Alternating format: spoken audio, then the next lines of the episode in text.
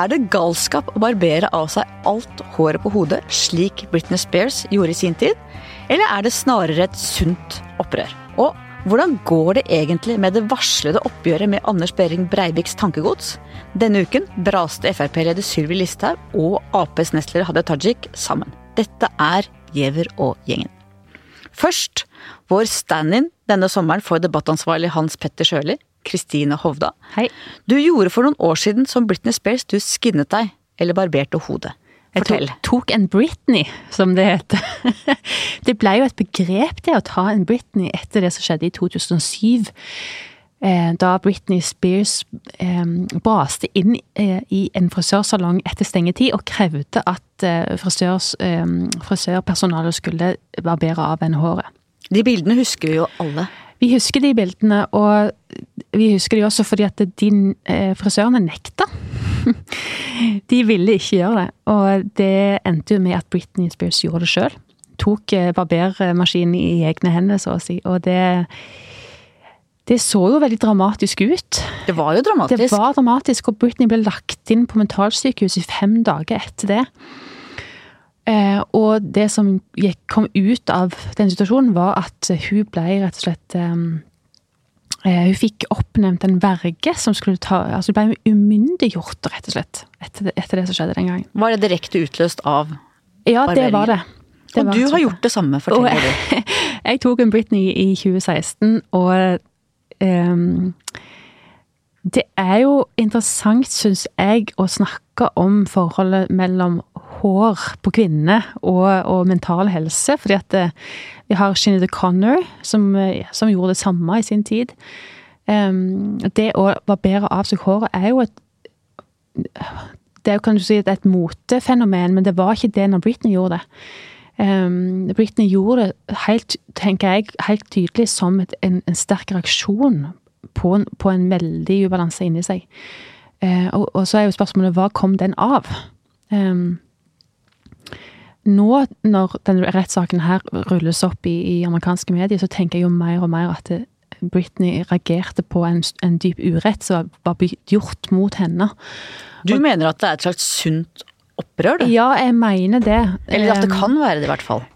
Altså, jeg tror at mote ikke bare oppstår som et sånt eh, løse lufta-fenomen. Jeg tror at det, at det vi har sett de siste årene med at, med at mange jenter barberer eh, av seg håret, det er et tegn på en, en bevegelse i samfunnet. Altså metoo har vi hatt. Eh, vi har hatt eh, en, en økt bevissthet rundt eh, krenking av, av kvinners rettigheter og, og seksuelle rettigheter.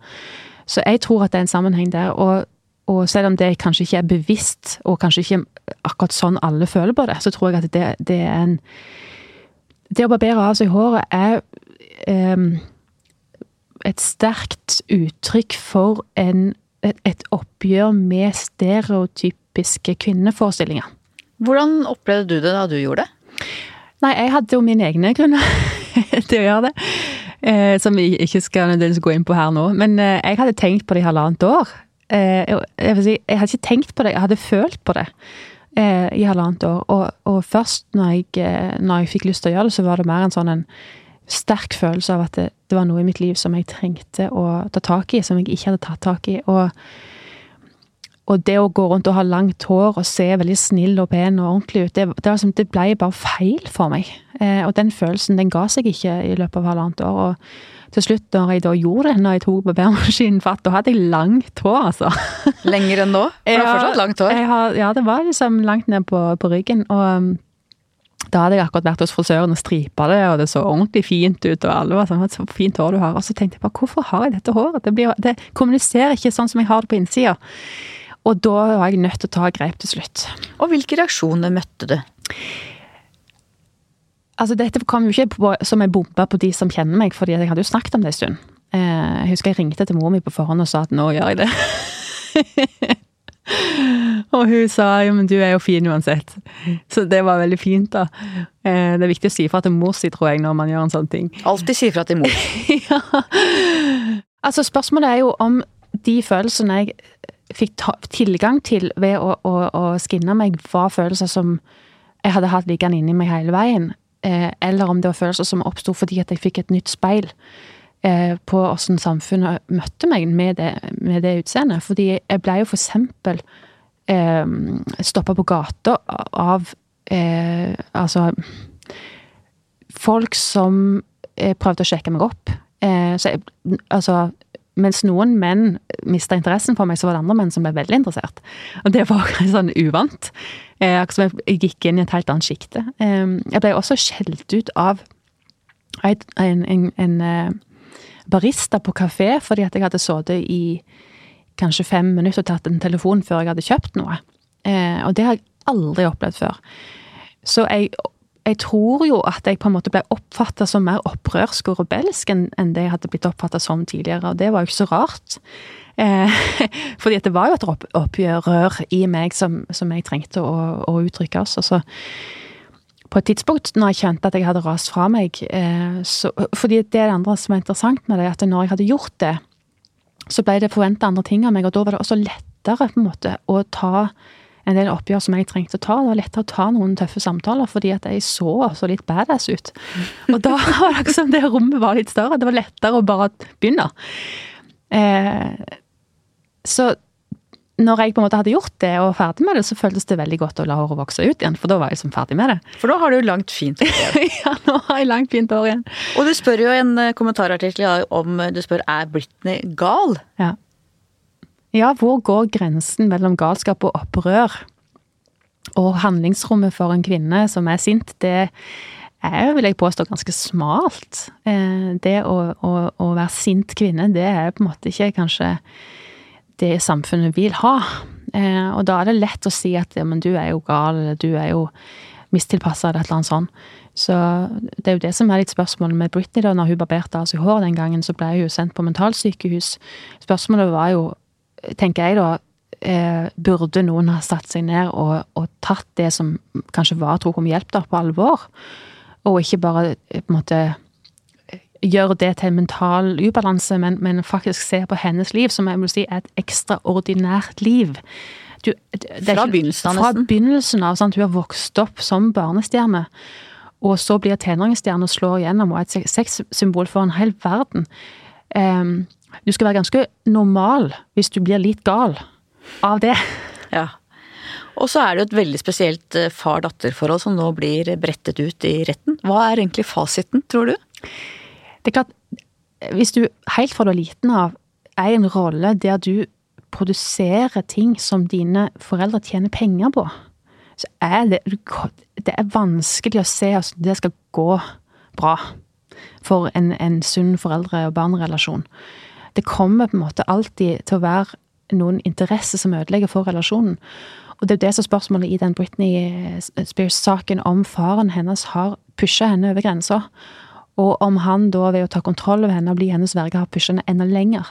Og det er jo i så fall utrolig stygt. Og, og, alvorlig også for oss som har på en måte heia på Britney og vært fans. Jeg har vært fan av Britney Spears siden Oops, I Did It Again, som var en sånn en eh, landeplage, eller verdensplage. Så det, hun er jo på en måte vi har, I den grad man kan si at vi har et ansvar for Britain, så føler jeg jo litt på det, da. Vi har jo liksom vært med å bygge opp under dette fenomenet. så da det at vi også følger med på hennes frigjøring, det syns jeg er på sin plass. Og du går jo da i den kommentaren som du har på trykk i VG i dag, fra Britney Spears til Paulus. Og den åndelige dimensjonen ved kvinner uten hår. Ja. Si litt mer om det, Kristina.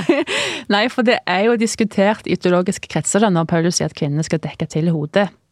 Om han mener at de faktisk skal dekke det til med, med slør, eller om han mener at de skal ha langt hår.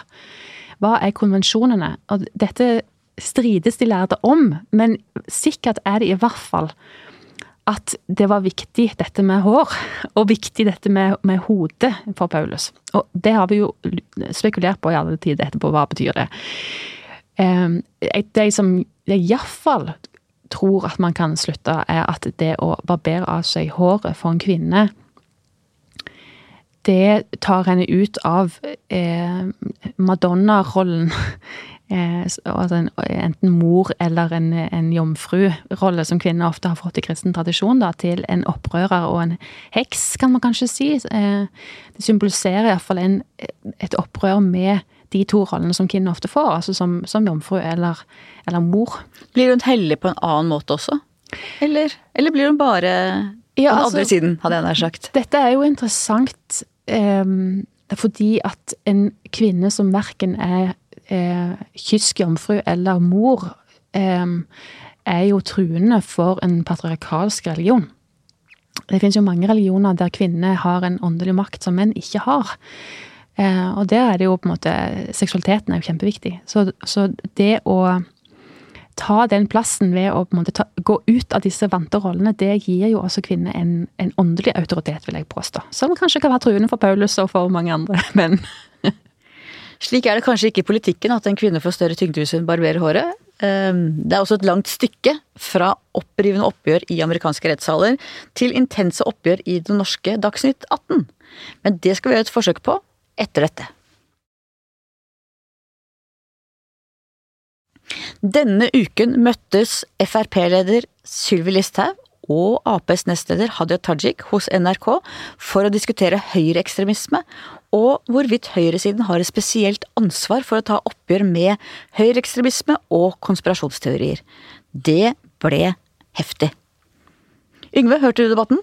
Jeg hørte debatten. Jeg satt i bil, riktignok så jeg fikk ikke med meg eh, absolutt alt, men det var jo, det var jo en veldig Jeg må si en uh, Hvis målet forut for den her Eh, gjenopptakelse av det her store debatten da, om vi har tatt dette oppgjøret ordentlig, hva, å roe ned gemyttene, så vil jeg vel si at det motsatte ble oppnådd.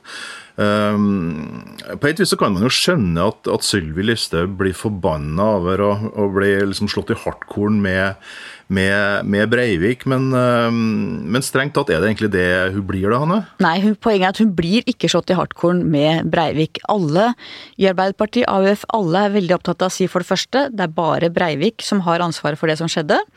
Og at de ikke stiller Frp ansvarlig for, selvfølgelig ikke, for den terroren.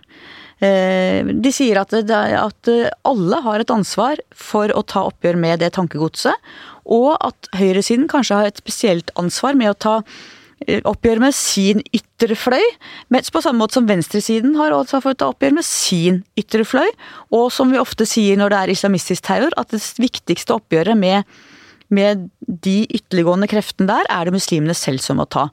Særlig fordi at man jo Ingen, ingen vil høre, ingen uh, Eh, militante muslimer vil høre på en ateist eller en sekulær eh, nordmann, men de vil kanskje høre mer på religiøse ledere. At det er noe med hvem lytter du mest til. Og så er jeg enig med deg, Yngve, at jeg, altså jeg, jeg, skjønner jo godt at Frp syns Dersom det er slik de leser at de syns dette er urettferdig. Sylvi Listhaug har jo eh, for det første gjort det veldig klart at hun og Frp selvfølgelig tar avstand fra Sian, fra nordisk motstandsbevegelse, alle disse bevegelsene.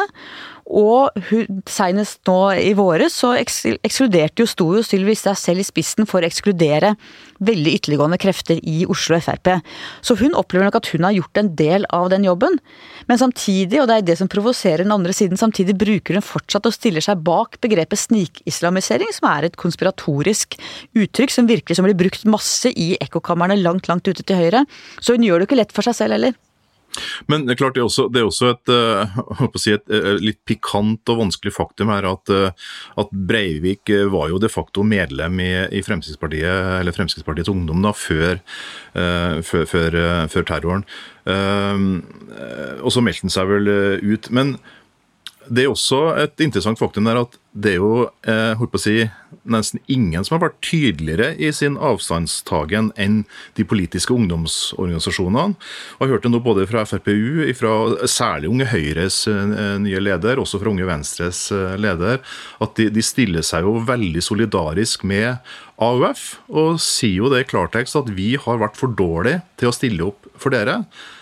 Jo, så jeg, jeg syns jo det er jo et Det er et veldig skal vi si, eh, positivt signal det da, fra ungdomspolitikerne. Jeg holdt på å si Det lover veldig bra for framtida, om ikke annet. Mm. Og det er klart, som du først var inne på her, at eh, Breivik var medlem i, i Frp.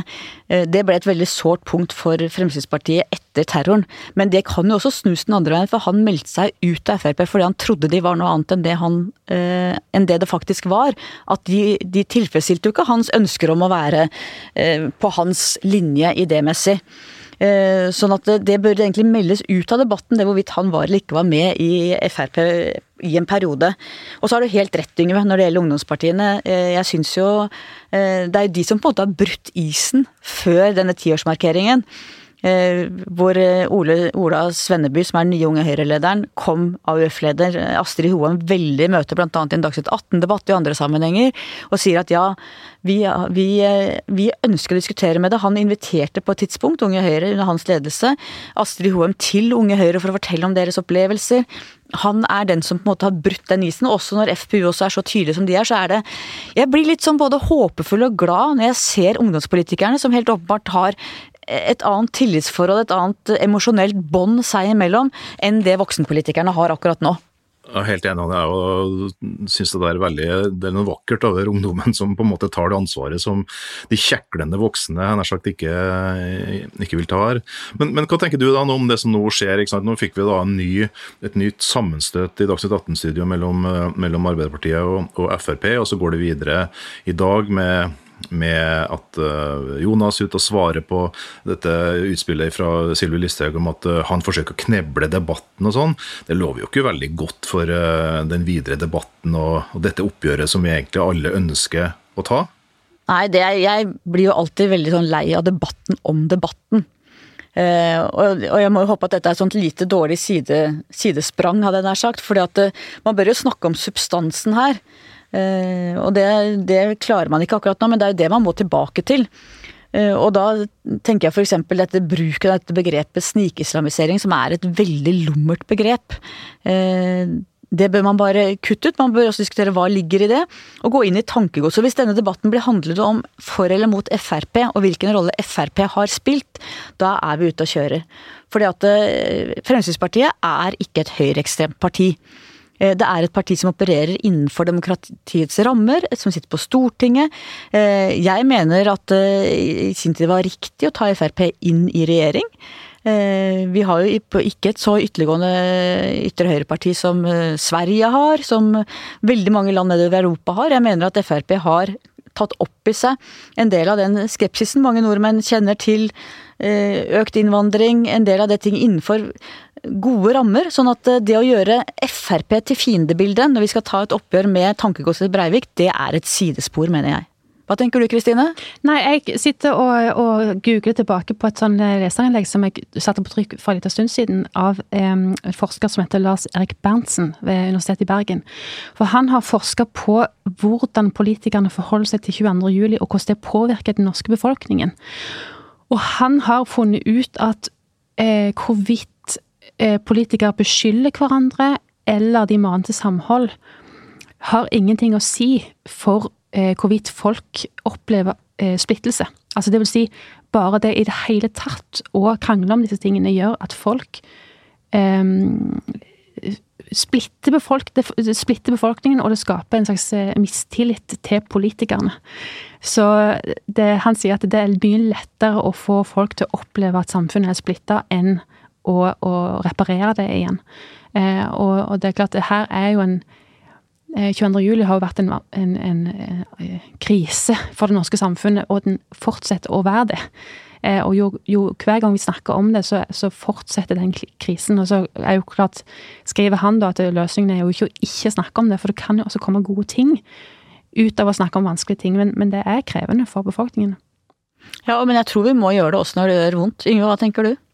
Nei, jeg bare tenker på, eh, som vi egentlig allerede har vært innom, at, eh, at, eh, det gode som har kommet ut av dette, her, er at vi har fått en helt ny type uh, ungdomspolitikere som har et mye skal vi si, rausere uh, verdensbilde som, uh, som, ikke er så veldig opptatt ja, de, de, lærer seg jo selvfølgelig teknikkene og debatteknikkene etter hvert, de også, men i hvert fall sånn som nå, da, så virker ikke, de er ikke så opptatt av å på død liv liksom skal ramme alle andre politiske opponenter. De viser at de kan, de kan, strekke ut en hånd og, og prøve å få til noen ting sammen. Så jeg syns jo det er veldig veldig lovende uh, for, for framtida, og måtte de bare klare å beholde den gode, den, den, uh, den konstruktive politiske uh, dialogen og tilnærminga som de har vist så langt. Ja, så må vi huske, ikke sant, De som nå er ungdomsledere, de var Astrid Hoem, AUF-lederen, var på Utøya selv. Hun var 16 år den gangen. Unge Høyre-lederen var vel 13, tror jeg.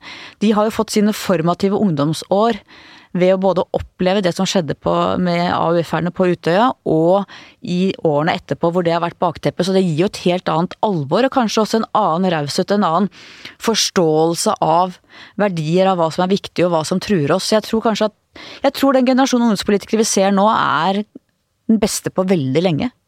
Kan vi ikke slutte på den litt håpefulle noten der? Det syns jeg. Er du enig, Yngve? Ja, eh, det, jeg håper å si at det er gode og velvalgte avsluttende ord for denne podkasten. Da sier vi takk for oss. I studio Kristine Hovda. På hjemmekontor oppe i Trøndelag Yngve Kvistad. Jeg heter Hanne Skartveit, og vår produsent Christian Konglund. Takk for oss.